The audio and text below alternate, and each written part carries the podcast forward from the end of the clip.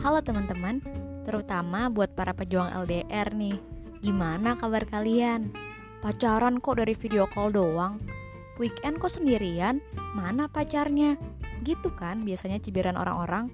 Nah, podcast ini bakal berisi obrolan gue, Fanny, dan Bene tentang gimana caranya menjalani LDR dengan sehat tanpa bikin jenuh.